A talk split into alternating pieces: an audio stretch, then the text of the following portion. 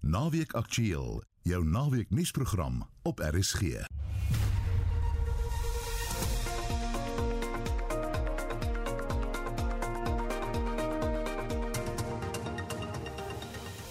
Goeiemiddag. In vandag se program, die ANC se Januarie die 8ste feesvieringe begin met 'n kragonderbreking gisterand tydens Cyril Ramaphosa se toespraak by 'n gala diner. The day-to-day challenges which relates to how government is supposed to improve on the delivery of services to our people. That for me is a situation that the ANC would love to forget about but sufficient explanation should be required. Ramaphosa se rede vind om 1uur vanmiddag plaas. Vyf leeu's wat uit die Kruger Wildtuin ontsnap het, is steeds soek. Ja, hulle is die laaste keer nou gesien 'n paar dae terug waar mense het swembad uit hulle gaan kyk het in die dag waar hulle beweeg het uh, tussen die bome. Maar hulle ook maar vanaf in 'n rigting beweeg en weer verdwyn. En 'n Suid-Afrikaanse wetenskaplike maak 'n belangrike bevinding oor lang COVID. Welkom by Naweek Aktueel. Die redakteur vandag, Hendrik Martin, en die produksieregisseur, Silwester Komane. ANC president Cyril Ramaphosa sal om 1uur vanmiddag sy Januarie die 8ste toespraak in Polokwane lewer. Daar word verwag dat die toespraak 'n aanduiding sal gee waarvan die regering vanjaar voorrang sal gee. Dit vind ook plaas enkele dae na deel 1 van die Zondo-kommissie se verslag aan Ramaphosa oorhandig is. En ons praat nou met ons politieke verslaggewer wat die verrigtinge bywoon, Abongile Dumako. Hallo Abongile. Your support for the African afternoon. What is on the program today? Good afternoon. Thank you so much for your for the opportunity. Well, uh, the program has actually just started. Uh, as I'm talking to you now, the provincial secretary of the ANC, Stan Matabata, is extending the world of welcome to the hundreds of ANC members and LEC members and supporters who are gathered here at Old Peter Mukaba Stadium in Polokwane for the 110th birthday celebration of the party. Some of the things that he's actually mentioned is that the ANC needs to learn from what has been transpired during these last local government elections, where the ANC visibly lost some of the major metros and Gauteng and other parts of the country, saying that they need to go back to the drawing board and actually get to have an agreement or a new way that needs to be followed to make sure that ANC goes back to former glory. Uh, what is the mood at the stadium? The mood, uh, because of the fact that there is this uh, pandemic that we are going through, it's not as jovial. Yes, you can see, but people are in a celebratory mood, but they always have to be careful, not on social distancing, and the hall is not uh, full up. Uh, only 2,000 people are allowed in here. Yeah. That's why to make sure that all COVID-19 protocols are being adhered to. But generally, people seem to be happy to be part of this event as the ANC celebrates 110 years of existence. Abongile, what do you think the president will be expected to say during his speech? We just had an interview with the President General of the ANC, Paul Mashatile, asking him basically what new that we're going to see transpire or come out of that. He says uh, the President will give clear guidelines in the form of implementation that will be followed during the course of the year by the ANC on what needs to happen or what will be done to actually make sure that service delivery is intensified from local, provincial and national level so that South Africans can still believe that the ANC has what it takes to make sure that uh, South Africa moves forward. He, the president also touched on the issue of economy, that the economy continues to deteriorating state, especially during the COVID-19, even before. Abongile, sorry to interrupt you. I'm very rude. Is it- I mean, the COVID-19 is concerned. Is it possible for you to turn away from the speakers? Because we hear the effects in the background, which is very loud. I'm sorry, I'm actually stuck in the stadium. uh, Um, but I'm going to try and move around. But yeah, it's a bit of a challenge. Uh, It's to- slightly, to- it's slightly better. Can I just ask you, do you have any new information about last night's power cut at the gala event? What exactly happened there? Registered who's the Minister of Police, who also is part of the National Executive Committee, he said to us as SAGC that they suspect sab- sabotage on what happened yesterday, uh, that the whole president of the party has had to stop talking because of having that there was a power cut. Yes, somebody fiddles with the power and they are still investigating. But yes, assure South Africans that the president is not at all under threat, threat but they are going to investigate know, and will be informed of what's happening. Yes, certainly the president. Uh, we've seen uh, in in Como two days ago having to be having Yes, to be escorted yes. out of the venue. Some were saying it's a security concern, and then last night something similar happened. Mm. It was the ANC and the and police minister saying that investigations are in advance.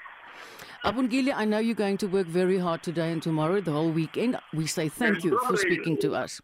Dit was ons politieke verslaggewer, Abungile Dimako. 'n Volledige ontleding van die rede sal môre aand om 8uur in kommentaar gedoen word. Dis 8uur op RSG op 'n Sondag aand wat kommentaar is. Die Kaapstadse brandweerdiens het sy verslag oor die brand by die parlementsgebou aan die spreker van die nasionale vergadering, Nosifiwe Mapisa-Nkakula, oorhandig. Volgens die verslag is die brandbesproeiingsstelsel laas in 2017 hersien. Daar was ook ander versuime wat die brand kon vererger het.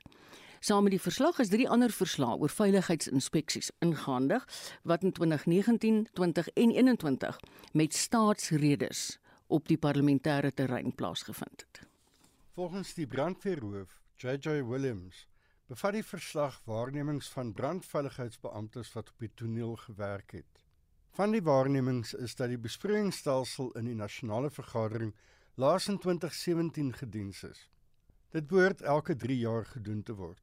Williams sê verder as dit behoorlik gediens was, sou dit met 'n ketting in die oop posisie gewees het. 'n Grondplan met 'n diagram van die stelsel moes ook beskikbaar wees. Huisbakke het steeds gefunksioneer selfs na 'n breek die glasskakelaar geaktiveer is. Branddeure was ook in 'n oop posisie. Kaapstad se burgemeester, Jordan Hill Lewis, sê die verslag van die brandweerdiens aan die parlement is nie 'n plaasvervanger vir 'n volledige forensiese ondersoek na die oorsaak van die brand nie. The report is a useful insight into what the firefighters saw on the ground, but of course, it does not substitute or replace a full professional forensic investigation into the causes of the fire and whether any systems failures exacerbated the spread of the fire. In the interest of full transparency, and after having sent this to the Speaker of Parliament, we are now releasing this publicly without any further comment in the hopes that it may be useful and helpful in determining how this tragedy happened and uh, what contributed to it. Die woordvoerder van die parlement, Moloto Mutapu, sê die verslag sal help om die bestaande ondersoeke deur wetstoepassingsagentskappe te ondersteun. It is a standard procedure that uh, firefighters will give a report of the work that they have done. The report does not purport to provide answers or is not an investigative report on what transpired here on Monday or the circumstances around the fire. It is important in that it will form part of the ongoing investigation by the law enforcement agencies as well as be helpful to the internal investigation that will be conducted. So we must continue to wait and to, to afford the space for the Hawks as well as other investigative agencies to investigate what transpired here. Die minister van Openbare Werke en Infrastruktuurontwikkeling, Patricia de Lille, sê haar departement het in oorlegpleging met die valke en ingenieurs 'n voorlopige assessering van die skade voltooi. De Lille sê in 'n verklaring dat daar tekens van strukturele skade in die nasionale vergadering is wat die tweede, derde en vierde verdiepings onveilig maak. Die professionele span het voorgestel dat die gebou onmiddellik afgesper moet word.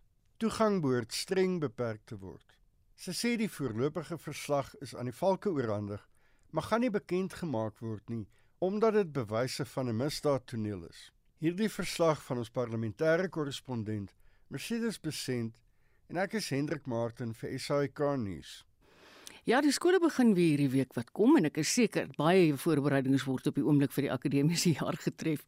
Maar die matrieks trek baie swaar terwyl hulle nog steeds wag dat die uitslae van die eindeksamen op 21 Januarie bekend gemaak word. Die matriekuitslae is vorige jare aan die begin van Januarie bekend gemaak. Die angs wat die matrieks beleef, kom na 'n buitengewoon uitdagende skooljaar. Behalwe die onsekerheid wat met die COVID-19 pandemie gepaard gaan, was daar ook wyd verspreide onrus in Julie en beurtkrag aan die einde van die jaar wat leerwerk ontwrig het. 'n Kliniese sielkundige, Dr. Rivona Rawat, sê sy merk 'n toename in angs en depressie onder kinders en tieners. Dries Liebenberg berig. Die 18-jarige Sam Mbele van Durban sê hy het in sy matriekjaar gesukkel met wiskunde en rekenkunde. Sleutelvakke vir die voornemende BCom rekenkunde student. Mbele sê hy moes ekstra privaat klasse neem om die graad 11 syllabus te voltooi en met die graad 12 werk by te bly. Die gewoonlik uitgelate Mbele sê hy het die feestyd nie uitgegaan nie. It's been stressful on my side, I've been at home. I haven't been going out or anything, celebrating anything because I've been stressed about my results, and there was a lot of pressure going to uh, preparing the exams and all that. So I've been staying at home, just like being to myself. Been very, but um, I'm hoping that everything went well because I put in a lot of hard work to getting good results and. Uh, Baie ander matrieks is in dieselfde bootjie as Mbele. Hierdie jong mense gesels oor die uitdagings waarvoor hulle te staan gekom het. You never know whether you're coming back to school the next term. You don't know if there's going to be a new variant. You don't know if the next wave is coming. You don't know if there's going to be another lockdown. It was just extremely, extremely hard. And I think that's what also makes waiting for our results super hard. And then with all the looting that was happening, I guess everyone felt very unsafe and just unsure what was happening with everything. And then we had to carry on with being in Madrid, and I guess that was a lot to put on someone's plate. We went from four months left to finals to two weeks in an instant. A lot of the processes of this year have been postponed or prolonged, like the release of our matric results. 'n Kliniese sielkundige, Dr. Rivona Rawat, sê sy merk 'n toename in angs en depressie onder kinders en tieners te midde van die COVID-19 pandemie. So there's been a lot of adjustment that's required, and children are not equipped for this. You know, there comes a point where it becomes too much. And so kids out there are actually struggling, struggling to come to terms with what it is that is required of them, struggling to come to terms with all these new ways of teaching and learning online, struggling of kind of multitasking where they need to uh, do part of the things on campus, part of the things at uh, home, part of the things online. Rawat raai ouers aan om op hulle hoede te wees vir 'n verandering in 'n kind se gedrag. 'n Kind wat teruggetrokke raak of 'n gewoonlik inkennige kind wat skielik baie uitgelate is. So the main thing number 1 is don't make assumptions that a child is coping with a situation unless you've had that child assessed and checked out properly to see whether that child is okay or not. And it first starts off with just speaking to them. So just stop them, chat a little bit. How are you doing? How's everything going? You know, how are you feeling? And the parent, if it's a parent, pick up, you know, what's happening. The child is, you know, saying they're okay, but I feel like, you know, they kind of not too good. Use your intuition as a parent. En hoe gemaak as 'n kind matriek druip? Rabot raai ouers aan om die kinders te onderskraag, liefde te betoon en hulle te verseker dat daar alternatiewe is om steeds matriek te voltooi. Ek is Dries Liebenberg in Durban. Die vyf leeu's wat in Desember verlede jaar uit die nasionale kreurwiltuin ontsnap het, is steeds op vrye voet in die Marlot Parkgebied in Mpumalanga. Pogings om die leeu's te vang was tot dusver onsuksesvol. 'n Wyfie, drie welpies wat in 2019 gebore is en 'n ander jong leeu sal waarskynlik nie binnekort na die kreurwiltuin terugkeer nie. Joan Marie Verhoef doen verslag. Gary Camacho, 'n karnivoorwetenskaplike by Mpumalanga se toerisme en parke raad, sê om die leeu's te vang is makliker gesê as gedaan. Daar was al verskeie pogings aangewend gewees selfs bekeer het om helikopters gevlieg en so aan wat 'n dieroperasie is. Van die lug af was dit drones probeer en alreeds goed as jy sien niks dit is net te ry. Ons monitor hulle die hele tyd en sit maar alerts uit en dit vir mense in jare waar hulle sien word hulle weet hulle moet versigtig wees veral by hulle huise en ligte nou en so aan mense wat rondloop en ronddraf en dit en dan wat jong kinders rondloop wat ons maar vir heel goed waarsku met nie te doen nie. Hulle kan nou nog nie wees en dan hulle oor 'n uur op 'n heel ander plek. Ons monitor maar met die doel om die alerts uit te sit en te kyk wanneer hulle 'n groot vangs van hulle se eie doen en op dit bly dat ons kan miskien inkom in hulle pyl en dan was die gedagte om hulle eers keer toe te vat na 'n aanhoudingsfasiliteit waar hulle getoets sal word vir tuberkulose en sulke goedes en dan um, sal die kreer dan verder besluit waar hulle met kliënte skryf en so aan. Ons het al tot 6 maande gesukkel om die line spruit uit te kry wat net so skugter was dat hulle soos 'n luiperd hulle voete hoor of sien of verdwyn hulle net jy kry hulle nie om hulle agter hulle te voet aan te gaan dit geen doel nie. Hokke te stel werk nie en maar op park moet jy gaan al die varke vang en goeie so dit gaan nie werk nie en die drones het nie sig nie so jy moet maar op warm informasie werk en die enigste manier hoe ons dit reg gaan regkry is maar met hulle eie kieu waar hulle leer weet en hopelik ons vinnig en ook kan reageer. Volgens Camacho beweeg die leeu's baie rond en die gemeenskap meld gereeld aan dat hulle van die leeu's gesien het. Hulle is nou opgeskote jong volwassenes wat lyk my weggebreek het van die ma. En sy is nou op hierdie staan ons het al lanklaas van haar gehoor of iets gesien, maar die jong volwassenes is baie skugter en hulle is die laaste keer nou gesien 'n paar dae terug waar mense het gesien wat uit hulle gaan kyk het in die dag waar hulle beweeg het uh, tussen die bome. Maar hulle ook maar vinnig in 'n rigting beweeg en weer verdwyn. So ons opvolg kon ons op weer niks kry van hulle nie. Een van die ontsnapte leeu's skop glo nes by die aangrensende Lions Park Natuurreservaat. Twee ander bejaarde leeu's, 'n mannetjie genaamd Fluffy en sy wyfie Daisy, bly al langer as 16 jaar in die reservaat. Daisy moes onlangs van kant gemaak word nadat een van die indringerleeu's haar gedwing het om weer te begin jag. Camacho verduidelik. Daar word veel diere raakgery maar op park op beseer of siek of wat ook al en dit word in Linesbuit in 'n Aso restaurant gegooi en hulle gaan voet nou maar gereeld daarso. Ek dink wat gebeur het is met die jong man se intrede daar het hy van die aas begin het vat daarso en dalk haar weggedruk. Ons het nie die groot mannetjie daar sien voet daai tyd nie. Ons het kameras op daarso ons kan sien wat aangaan. En hy het ingekom en gevreet daarso wat my ek vermoed het hy die buite weghou en sy het begin sukkel om kos te kry en sy het weer gaan poog om te jag natuurlik. Volgens die veld het hy ook gesê dit lyk of sy haarself beseer het tydens 'n jagoperasie of so. En sy het haar been so beseer dat sy nie meer kon loop nie natuurlik ons ingaan om te gaan kyk om wat help. Die daar besering is baie ernstiger as ons gedink het. Ek sê baie sleg gelyk. Ons het gesukkel om aan die hande te kry om steeds eintlik te voete en gaan toe moet die voertuig gaan en net daar toe verpyl en toe ons ondersoek en op dit na kyk het. Dis ek ons as geen manier wat die mense verder sê lê net dit sê kry net swaar. So is toe uitgesit gewees. So is al 20 jaar vir Wille Leeu's is dit baie die dat dit tot nou toe gemaak het is nogal indrukwekkend. Fluffy en Daisy is al deel van die dorp se kultuur, maar Camacho sê Daisy se afsterwe is 'n teken dat die einde van 'n hoofstuk sterk op pad is. Hy het die eerste aand geweldig gebrul daar binne wat natuurlik normaal is. Hy seker gesoek na Daisy en hy is sel nou op sy eie. Die ding is hy kan nie regtig op sy eie mee jag nie want hy's ook oud. En seker so daar sal binnekort besluite oor hom geneem moet word. En waarskynlik maar hierdie jong mannetjie wat daar rondwaal is dalk ideale plaasvervanger. Dis dis 'n moontlikheid. Dit is hartseer want dit is twee pragtige diere. Maar dit is maar goed dat die mens maar weet gaan kom. En dan moet die mens maar van daar af die volgende stap vat en dit kan besluit hoe gaan mense die pad vorentoe. So daar's verskeie opsies wat die mense kan neem. Die feit dat hulle vang moet word of wat hulle uitgehaal word is sal meer 'n realiteit. Want die een is nou klaar weg. Dan een kan nie alleen daar bly nie, maar die kans dat hy sal uitbreek is raak groter. Val as hy nie kos het die hele tyd nie, so hy sal moet op 'n daaglikse basis gevoer word. Anders gaan hy dalk eventueel uitbreek en ander plekke kos soek en dan kan hy as 'n ou leeu kan hy gevaar raak vir mense veral. Dit was 'n karnivoorwetenskaplike by Mpumalanga se toerisme en parke raad, Gerry Camacho. Ek is Jean Marie Verhoef vir SAK nuus. Sam interessant hierdie storie van die leeu's, maar hy het nou vir ons baie verduidelikings gegee. Nou iets heeltemal anders, ons praat oor die landbou. Vrystaat Landbou het die Vrystaatse regering gevra om die provinsie as vloedrampgebied te verklaar nadat aanhoudende reën oor verskeie dele van die Vrystaat saaiboere se oeste bedreig.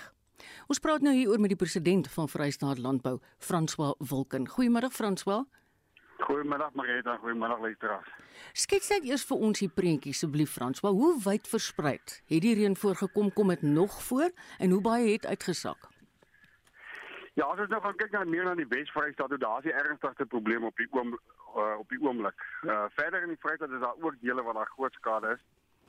Die afgelope kom ek sê van Desember maand af het daai was 'n oormaat reën gekry. Mm. So hulle gesaaide staan binne in die water en die goed versuip. Die herstelpotensiaal is op hierdie stadium so oor omtrent 6000 hektaar is daar geen kans vir herstel. Mm, mm. Dis nou Hoopstad se kant toe.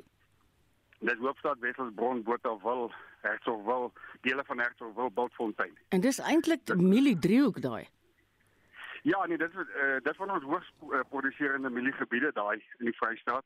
Jy weet dit ons praat van die watertafellande. Daai ja, ons kan ja. gedurende droogte tye kan hulle redelike goeie oes te maak omdat hulle die watertafel Mm. Maar die watertafels is nou is nou so oorversadig en dit is mos 'n heerlike plat aarde daai. Mm. So die water kan nie regtig wegloop nie. Hy moet hy staan maar of hy moet in die grond ingaan en hy kan nie meer in die grond ingaan.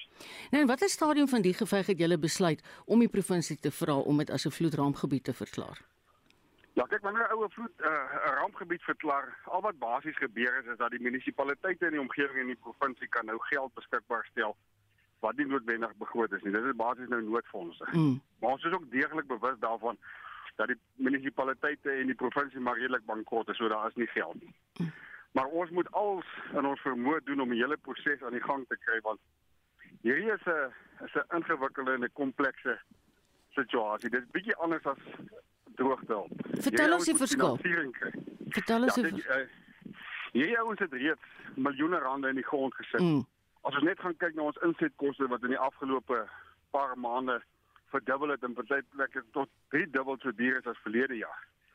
So daai ons het reeds daai finansiering bekom, reeds daai insette in die grond gesit en nou gaan daar nie 'n oes wees nie. So wat wat is die situasie nou? Ons moet gaan kyk daai boere is die boere wat oorleef het deur 'n baie ernstige droogte. Dit is een van die gebiede wat baie ernstig deur die droogte geraak het. So wat ons graag wil doen is is om met alle rolspelers wat insluit die regering, die provinsie, ons uh landboubesighede, ons uh, landboufinansiers om 'n tafel gaan sit dat ons 'n plan kan maak ja. en kan kyk wat gaan ons doen in die langtermyn om hierdie ouens te help. Jy weet daai gebiede is die gebiede wat wanneer dit bietjie onder normaal reën, goeie oeste nog steeds Ja, kan maak. Ons mm. ons moet daai boere op die grond hou. Weet jy, dit is hom so ironies nou Frans, so ek meen na 'n lang ernstige droogte kom daar nou lekker reën en nou sê jy die goed staan en versuip. Ja, jy weet dit is wat vir ons as boere dit moeilik maak. Jy weet ons is altyd aan risiko en dan jy weet dan as ou nou klaar oor die baie reën dan sê die ouens wat in die stede bly, ja, maar as julle nooit tevrede nie. Jy weet so dit is Ja, ek weet. Ons is baie dankbaar. Die res Mm, van die provinsie, mm. jy weet as ons kyk na ons weidings, daar's dele in die provinsie waar die ouens wat daar rekordnoeste op die lande staan. Die Yes. veeweiding is uitstekend, jy weet, maar Mm. ons kan nie miskyk dat daai ouens in regtige nood verkeer op die oomblik nie. Ja, ek moet jou sê hierdie is vir my 'n ekstreme vorm van dobbel. Ja, nee, maar dit is mos iemand het mos eendag gesê, jy weet, boere gaan nie casinos doen, hulle dobbel alreeds. Ja, as en is jou eerlike opsomming, jy dink nie jy gaan veel van die provinsie kry om julle te help nie. Ja, ons moet alles probeer wat ons kan, maar die kans is redelik skraal dat ons daar iets gaan kry. Die geskiedenis het ons gewys, jy weet, hulle gaan deur hulle prosesse, hulle Mhm. hulle raak betrokke, hulle hulle beloof, maar dit Mhm. kom nooit tot tot by die boere uit nie. Frans, kom ons praat oor 'n ander ding wat julle op die oomblik bedreig en dit is die sprinkaanplaag. Daar's veral verskriklik bekommernis in die Noord-Kaap. Hoe ernstig is die situasie by julle? Kyk, uh, hy begin gewoonlik in die Noord-Kaap nou sprinkaan. As ons nou gaan kyk, verlede jaar het die sprinkaan ideale toestande gehad. Sprinkaan eiers lê vir jare in die droogte in die grond. Wanneer die uh, toestande gunstig raak, soos die reën van verlede jaar, dan groei hulle uit en dan vermeerder hulle. Ek dink verlede jaar het hulle deur vier siklusse gegaan. Vir jare daar nou weer gunstige toestande vir hulle. So hy beweeg maar gewoonlik so van 'n van 'n uh, weet van 'n wes-oostelike rigting. Die volgende groep wat nou bedreig word is ons besproeiingsgebiede mm. langs die Oranje rivier. Jy weet die sprinkane is nou op pad hiernatoe. Ons praat op 'n gereelde basis met die regering. Ons het uh, gisteroggend weer in 'n vergadering. Hulle kapasiteit is ook maar beperk alhoewel hulle redelik gewillig is. So hulle het nou vir ons ge, uh, die onderneming gegee dat hulle gif sal voorsien aan die boere direk wat dan nou sal help om die ding te bes te bestry want jy weet die die die Noord-Kaap is 'n wyd uitgestrek Baie. en daar's baie plase wat na die droogte nou leeg staan. Ja. So mense moet hierdie sprinkane probeer beheer in die voetgangerstadium. Maar as niemand hulle opspoor nie, dan begin hulle vlieg. Mm. En dan is hulle meer sigbaar, maar dan is dit eintlik amper te laat. Ja. Dan moet hulle gaan bespuit waar hulle vanaand gaan slaap. Frans, was daar 'n verband tussen 'n sprinkaanplaag en die klimaat? Ja, nee, verseker. Ek meen die, die soos ek jou gesê, die sprinkaan eier lê onder die grond. Ja, ja. En wag vir die ideale omstandighede en dit is maar basies vog. Hy so, hy, hy hy soek vog ja. en veiding. As daar as daar vir hom kos is om te vreet en wat nou gebeur is, ons besproeiingsgebiede gee nou vir hulle basies Mm. lekker oormaat voedsel. So maar ons sal van ons kant af ons het reeds uh, ons het reeds uh, in die Vrystaat het ons uh, sprinkaan beamptes wat opleiding ontvang het by die staat en daar is eintlik ons hoofkantoor waarvan af die sprinkaan bekamping dan nou beheer word. Baie dankie François en baie sterkte veral nou met hierdie ramptoestand. Ons het gepraat met die president van Vrystaat Landbou, François Wilken. Dis op die kop 29 minute oor 12. Die see absorbeer meeste van die hitte van kweekhuisgasvrystellings wat op sy beurt dan nou lei tot warmer seewater. Dit het rampspoedige gevolge vir seelewe en die ekostelsels in die oseaan. Weer Estie de Klerk. By die COP26 klimaatsveranderingsberaad wat onlangs in Glasgow gehou is, het wêreldlande die noodsaaklikheid herbevestig om die stygings van die wêreldwye gemiddelde temperatuur tot onder 2 grade Celsius onder nywerheidsvlakke te beperk en te streef daarna om dit op 1,5 grade Celsius te verminder. Maar kommer is uitgespreek oor hoe vinnig die doelwit bereik sal kan word. Dit hou 'n beduidende gevaar in vir die voortbestaan van sekere visspesies en hoe die ekosisteme in die oseaan funksioneer. Seewater bevat meer opgeloste koolstofdioksied en die proses word vererger deur die effek van aardverwarming. Verduidelik die dierkundige aan die Noordwes Universiteit, professor Henk Bouman. Koolstofdioksied of koolsuurgas is baie oplosbaar in water en die oseane gryp baie van die CO2 wat die mense uitgestuur het in die lug gryp dit weer terug en in die oseaan word dit dan gebruik soos in fotosintese om weer suurstof te maak. Dis dis 'n siklus. En suurstof is baie minder oplosbaar in water as in koolsuurgas. Dis hoekom die suurstof dan weer uit die water na die lug toe gaan en dit is wat ons dan inasem. Hang af na watter data jy kyk. Ongeveer die helfte van die suurstof wat jy tans inasem kom uit die see uit. En dit is 'n redelike beduidende hoeveelheid. En die hele ding is natuurlik in balans want as jy te veel CO2 in die lug sit, dan kom maar meer CO2 in die water. Die CO2 in die water kan nie vinnig genoeg verwerk word deur die alge nie, veral nie as dit warmer word nie. En daarmee saam gaan dit dan dat die water suiwer onder naam van CO2 is natuurlik koolsuurgas. Die suurder pH vlak in die seewater saam met die warmer temperature het 'n reuse impak op kleiner organismes die organismes in die see wat hierdie koolsuurgas moet benut of die karbonate wat gevorm word in die see moet benut moeiliker die karbonate uit die water uit kan kry. Dit sou met meer energie spandeer om goed so skulpe en korale te vorm. En dit het enorme implikasies. En ons sien alreeds sekere plekke waar die skulpe van sekere van die weekdiere dunner word of blyk of dit dunner word. En dan ook natuurlik die effekte daarvan die korale Warmwater koraalriwe huisves 'n wye verskeidenheid seelewe en speel 'n belangrike rol vir tropiese visserye en ander marine en menslike stelsels. Die koraalriwe kan sterf as dit aan watertemperature bo 'n drempel van tussen 1 tot 2 grade Celsius bo die normale blootgestel word. Dit neem tussen 10 en 15 jaar vir koraalriwe om te herstel nadat dit weens blyking gesterf het. Klimaatsverandering het enorme implikasies vir diere wat nie kan beweeg nie en korale wat een van die rykste biodiversiteitsareas is wat jy op die wêreld kan kry met duisende spesies wat op baie klein oppervlak voorkom, die word uiteraard geaffekteer. Hulle kan dus nie warmer water ontsnap nie. Nou die effekte wat jy kry is dat mense eers verstaan dat uh, korale, of feitelik alle korale nie almal nie, maar die meeste van die korale is simbioties geassosieer met alge wat hulle binne in hulle selle het. En hierdie alge fotosinteer onder andere en gee dan vir die korale suikers soos wat alge normaalweg doen met fotosintese. Maar as dit te warm word, dan is die eerste reaksie van die koraal is om hierdie alge uit te stoot en dit is waar jy die blyking kry. Dus die korale word baie ligter en witter selfs. Korale is dan nog nie dood, maar dis vir hulle oorlewingsmeganisme, maar hulle kan nie veel verder gaan as dit nie en as nog verder gestres word, dan gaan hulle dood. Koraalriwe wat steeds groei, soek sonlig. Maar die voortbestaan van hierdie koraalriwe word bedreig deur warmer en suurder water en seewatervlakke wat styg. Die koraalriwe moet dus of aanpas onder hierdie omstandighede of na ander plekke skuif, sê professor Bouman. Verandering in seestrome is die manier vir koraallarwes om te versprei sodat hulle elders kan kom. Hooplik kan hierdie koraallarwes na gebiede versprei waar hulle nog wel kan aanpas en kan voortbestaan. Maar daar's nie baie plek meer oor daarvoor om dit te kan doen nie. Kan nie veel verder suid gaan na koeler water toe nie want daar's nie veel verder suid terme van waar jy kan gaan sit nie. En die hele biodiversiteit word op hierdie manier aangetast en daai is saam ook die afhanklikheid van wat ons het van die see. Nie net vir suurstof nie, maar vir kos ook en 'n hele wat ander aspekte, klimaatregulering byvoorbeeld, soos die seestrome oor die aarde beweeg, dra dit warm water of koue water met dit mee en dit affekteer die klimaat en dit kan dan droogtes veroorsaak of vloede veroorsaak of is baie geïntegreerde soort van stelsel wat ons het op die aarde. En hoewel dit nie uiters stabiel is nie en dit nooit uiters stabiel gewees nie, druk ons nou die parameters van wat die aarde nou kan hanteer, druk ons nou verby waar dit 'n male variasie is. Die temperature in die see het ook 'n impak op hoe die seestrome vloei. Dit het weer 'n impak op visse wat van seestrome afhanklik is vir hulle kos en broeiplekke.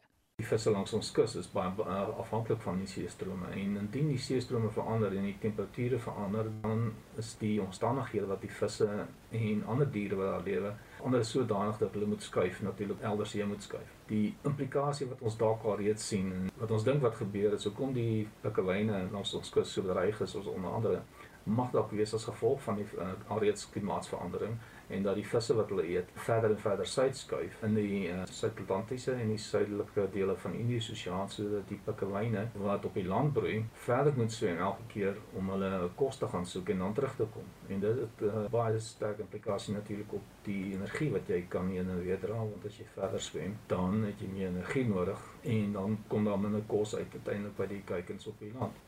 Professor Bouman is dit eens dat die aarde en die diereryk in die moeilikheid is en dat regerings moet erns maak met aardverwarming en die kwessies wat dit vererger. Ek is Estie de Klerk vir SAK nuus. 1237. Naweek aktueel in sport is sinoniem met mekaar. En daarmee saam ook die naam Pieter van der Berg. Hallo Pieter. Middag sê Marita. Ek is seker ons moet net eerstens weer gesels oor die cricket lekkerte van die afgelope week. Jenning. Ja, jy verwys natuurlik na daardie uiters aangename ondervinding van Suid-Afrika om in die op die onderste kon klop. Nou die Proteas moes 240 lopies in 'n tweede beurt aanteken. Dis nou die tweede toets vir daardie geskikkindige oorwinning oor Indië. Nou uh, hulle het reeds op dag 4 vermag Dien Elgar. Hy het sy 19de toets 50 taal behaal en hy het op 96 nie uit nie geëindig en Suid-Afrika se totaal 243 vir 3 en uh, nou ja, dit is natuurlik Dien Elgar wat soos ons sê as speler van die wedstryd ook aangewys is. En dit gee vir Suid-Afrika 'n sewe paaltjie oorwinning. Die reekstelling is nou 1 elk. Met die derde en laaste toets aan Dinsdag in Kaapstad begin. En uh, Virat Kohli klink vir my of die kaptein van Indië sekerlik sal terug wees in die span. Nou uh, die spel begin Dinsdag om 10:30 en Jody Hendricks sal ons luisteraars gereeld op hoogte hou van gebeure En dan op die internasionale front speel Australië en Engeland teen mekaar. Dis in die reeks om die as. Dis die vierde toets wat in Sydney beslis word. Usman eh, Khawaja, hy het eh, in sy eerste toets sedert 2019 het hy in beide beurte ondertalle vir die Aussies aangeteken. So dit is Engeland wat 388 in hulle tweede beurt moet aanteken. Hulle is op 30 sonder verlies na eh, dis aan die einde van dag 4 uitskyttyd en Engeland benodig met ander woorde 358 lopies om die wedstryd te kan wen op die toets. Dan die Aussies, hulle natuurlik die reeks die reeks ingepalm. Hulle loop met 3-0 voor. En dan moet ons ook net Marietta loer na vroeër die week het Nieu-Seeland op hulle tuisveld pak gekry, baie verrassend. Toe Bangladesh hulle in die eerste toets met 8 paaltjies geklop het. Hm. Die tweede toets tussen die twee lande begin dan môre. Pieter, volgende week begin die Curriebeeker aksie hier in Suid-Afrika, maar ek het gisteroggend in Monitor gehoor jy sê daar's reeds heelwat rugby in Europa wat gespeel word.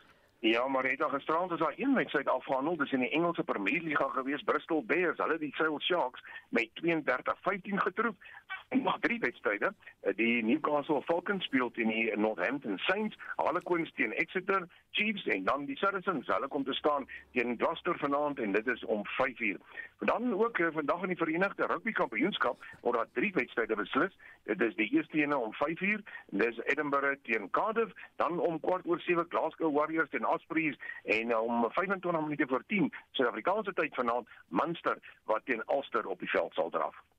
Kyk ek moet sê ek het baie verbuigings van die man se voornaam hierdie week gesien. Dit is van Novak tot Novak. Maar Djokovic is op almal se lippe hierdie week. Ek meen, wat gaan aan daar?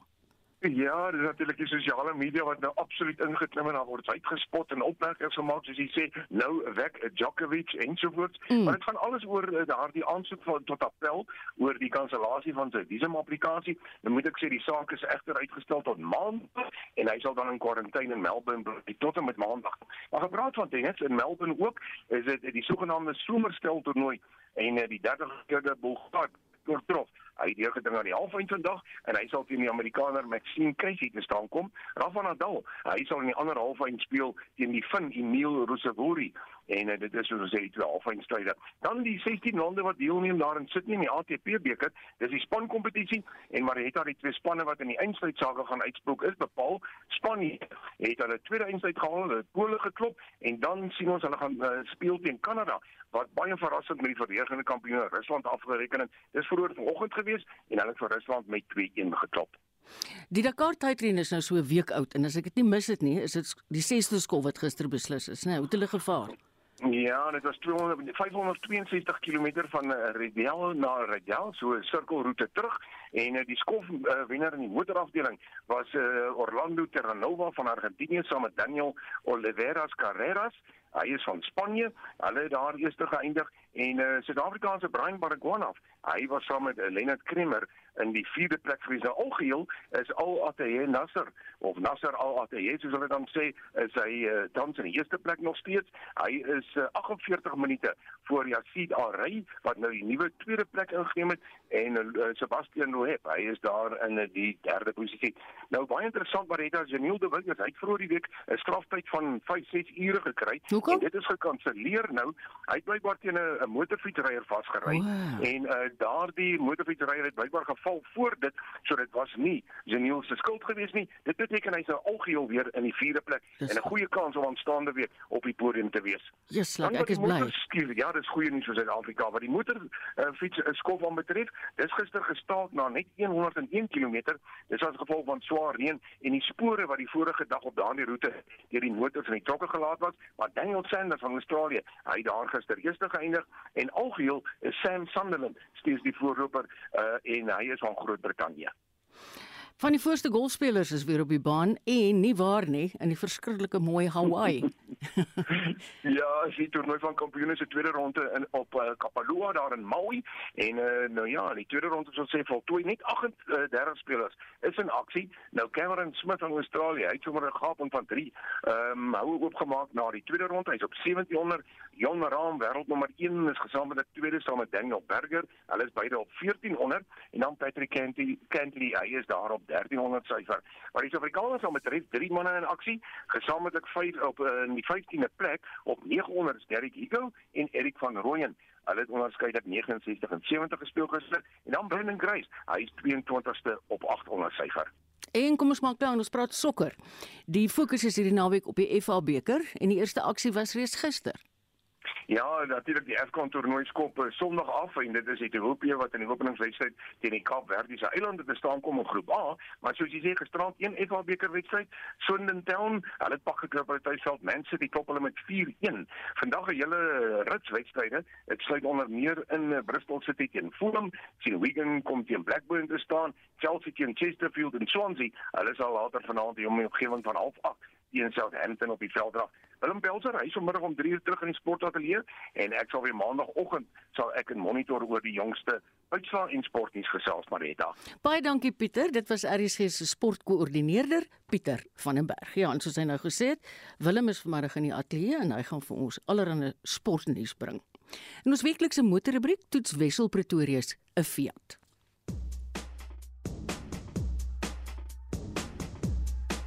Toyota het vir die eerste keer meer voertuie as General Motors in die VSA verkoop om die nommer 1 posisie los te slaan.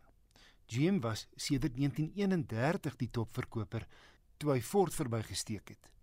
Toyota het verlede jaar net meer as 2,3 miljoen voertuie in die VSA verkoop teenoor GM se net meer as 2,2 miljoen. Die RAV4 was Toyota se beste verkoper en die vierde gewildste model in die FSA.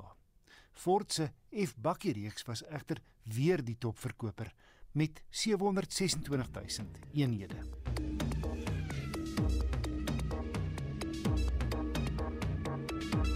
Fiat het verlede jaar sy pikante 500 reeks plaaslik opgeknap. Die oorspronklike 500 het in 1957 verskyn. Italië se weergawe van 'n klein, bekostigbare ryding, soos daardie jare se Kewer en Mini. Maar van die oorspronklike 500 tot 1975 vervaardig, is daar baie min weergawe in Suid-Afrika. In 2007, presies 'n half eeu na die eerste 500 se bekendstelling, het die tweede generasie 500 met 'n retro voorkoms die lig gesien. En 15 jaar later lyk die biksie steeds vars en oulik met 'n byna tydlose vorm. Maar hy's ook verbasend prettig om te bestuur.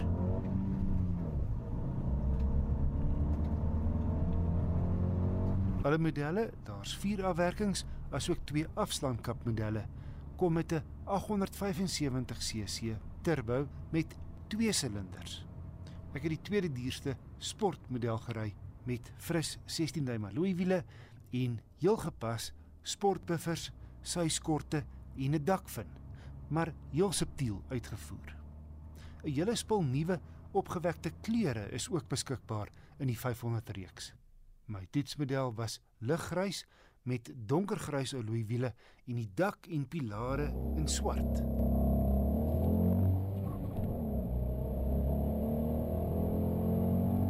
Die twee silinders se knor en ratshantering dra by tot die 500 sport se charme. 63 kW en 145 Nm klink dalk nie na baie krag nie, maar hierdie Italianer weeg net 930 kg. So hy versnel flink en sy maksimum wringkrag is al vanaf 1900 toere beskikbaar. Groot gewys is hy uit en uit 'n stadskar, maar hy voel stewig geplant teen 120. Ek kon nie naby Fiat se optimistiese syfer van 4 liter per 100 km kom nie. Op my standaard stad en ooppad roete was my verbruik 5,9 liter per 100 km. Anders gestel 593 km op sy 35 liter tank. Hierdie tweedeur knaap het 'n lengte van so net onder 3,6 meter. Net 'n paar sentimeter korter as die Fiat Uno wat jare lank 'n plaaslike gunsteling was. Die 500 is wel 'n knerts breër en 'n bietjie hoër as die Uno. Wat opval is hoe baie spasie die 500 het vir die twee voorste insittendes. Ek is 'n lang ou pas maklik agter die stuur en Die sitplek is hoogteverstelbaar en 'n panoramiese sondak gee die 500 Sport 'n relatiewe ruim gevoel. Agter is 'n ander storie, meer 'n kwessie van twee noodsitplekke as twee bykomende mense oor 'n kort afstand karwei moet word. En net 'n paar winkelsakke pas agter in die bagasiebak. Maar die 500 kan mooi werk vir enkellopendes of twee mense in die huishouding want die agterste rugleuning slaan 50-50 plat. Wat jou dan 'n redelike klomp pakplek gee.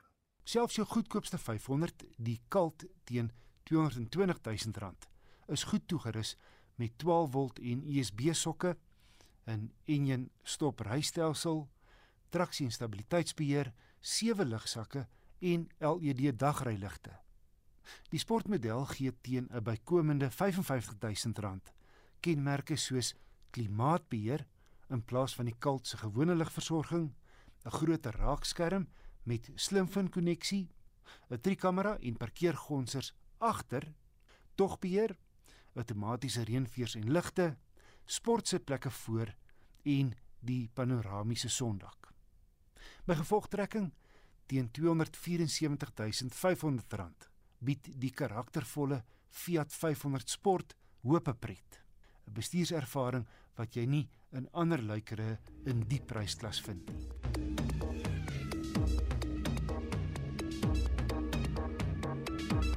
Volgende week 'n padtoets van Nissan se Navara bakkie.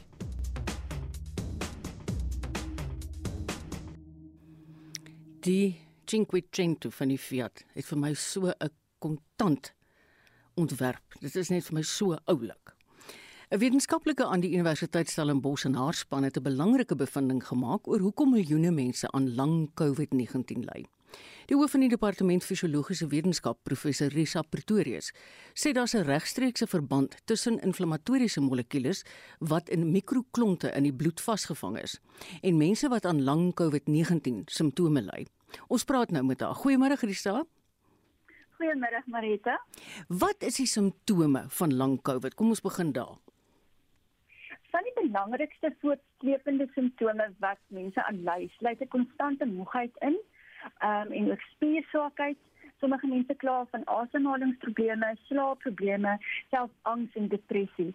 En dan ander algemene uh, klagtes is dan probleme met konsentrasie ook. Mm. En baie ehm um, verskillende simptome is al ge, ge, genoem en daar is so omtrent 150 simptome al gediagnoseer ja. wat met lang COVID verband hou. Fooi tog. Ons het nou in die inleiding gepraat van hierdie inflammatoriese molekules wat in mikroklonte in die bloed vasgevang is. Hoe gevaarlik is dit, Risa? Dit kan baie gevaarlik wees aangesien bloedklonte al al, al is dit ook klein mikroklonte kan self um, dood veroorsaak soos beroertes en hartaanvalle. Hmm. En die dilemma met hierdie um, mikroklonte wat ons in sirkulasie gevind het met lang-covid pasiënte is dit uh, dit veroorsaak dat daar 'n suurstoftekort uh, in die liggaam se selle ontstaan want uh dra die, die suurstof behoorlik nie en die mikroklonte vermoed dan dat hmm. die uh suurstof na die na die organe en na die selle toe gaan en dit is ook hoekom ons dan hierdie verskeidenheid van simptome kry by die pasiënte wat alles uh lei na uh, hipoksia soos wat ons dit in mediese terme sou beskryf En jy sê meer aandag moet geskenk word aan die diagnose van lang COVID sodat dit reg behandel kan word. Absoluut ja. Ongelukkig op die stadium uh, is die dilemma wat al hierdie mense wat aan lang COVID ly, uh bevind as hulle na hulle dokter toe gaan is as 'n gewone bloedtoetse aanvra by 'n patologie laboratorium. Dan kyk hulle eintlik maar net na die vloeibare gedeelte van die molekules wat in die plasma voorkom. Uh want in in, in gewone aan ander siektoestande of in gesonde mense is dan natuurlik nie hierdie hoë konsentrasie van mikrostofels, mikroklonte in die bloed teenwoordig waar al die inflammatoriese molekules dan uh, in in vasgevang is nie. So dan lyk dit op die oog af of die pasiënte eintlik geen inflammatoriese molekules het nie. So daar is 'n groot ehm um, 'n vraag oor die oor die diagnose en op die stadium is ons die enigste mense in die wêreld wat 'n uh, 'n uh, patent het vir die diagnose uh, en dit is om na mikrostofels te kyk onder 'n mikroskoop. Ons is ook natuurlik besig om dit uh, te probeer verfyn dat ons grootskaal dit kan uitrol waar ons dit dan wel in uh, patologie laboratoriums kan doen waar mense dan net kan instap en vra vir ons toets. Yes, like, baie geluk het julle daarbey uitgekom het. So baie kortliks, hoe word dit dan gedoen in die praktyk? Uh, Oor op die stadium is dit eenvoudig om onder 'n mikroskoop te kyk of daar mikrostofels in die bloed teenwoordig is. Okay. Dit is 'n relatief eenvoudige toets, maar natuurlik is dit nou op die stadium net in 'n 'n navorsingslaboratorium uh, ja, kan, ja. kan doen. Nee, ek dink ons wetenskaplikes in die land is baie oulik. Baie dankie vir jou tyd. Dit was professor Risa Pretorius. Sy is verbonde aan Maties en sy is by die departement fisiologiese wetenskap. Sedert die uitbreking van die COVID-19 pandemie in 2020, het meeste lande se ekonomieë gestagneer. Suid-Afrika is nie 'n uitsondering nie. Die hoofekonoom van PwC, Lulu Krugel, sê die impak van die pandemie op die ekonomie in 2022 behoort heelwat minder te wees. Wat die ekonomie aanbetref, hoewel ons nog steeds nie 100% seker is byvoorbeeld of ons sekere inperkings sal sien nie, is dit tog die waarheid dat COVID-19 'n minder belangrike impak op die ekonomie reeds gehad het in hierdie jaar en dat dit waarskynlik volgende jaar sal voortduur. Wat ons egter met baie skerp oë dophou is wat gaan gebeur met Eskom en of ons verdere invloed gaan sien op die verskaffing van elektrisiteit. Dit is een van die groot faktore wat 'n rol gaan speel. En dan natuurlik die ander belangrike punt is ook of ons daarin gaan slaag om werk te skep vir mense wat hulle werk verloor het in COVID-19.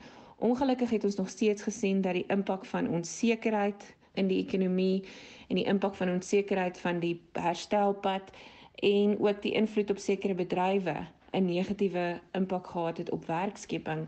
En wat werkskepping aan betref is ons ongelukkig terug waar ons was of um, omtrent in 2014 as 'n mens gaan kyk na die absolute hoeveelheid werksgeleenthede in die ekonomie.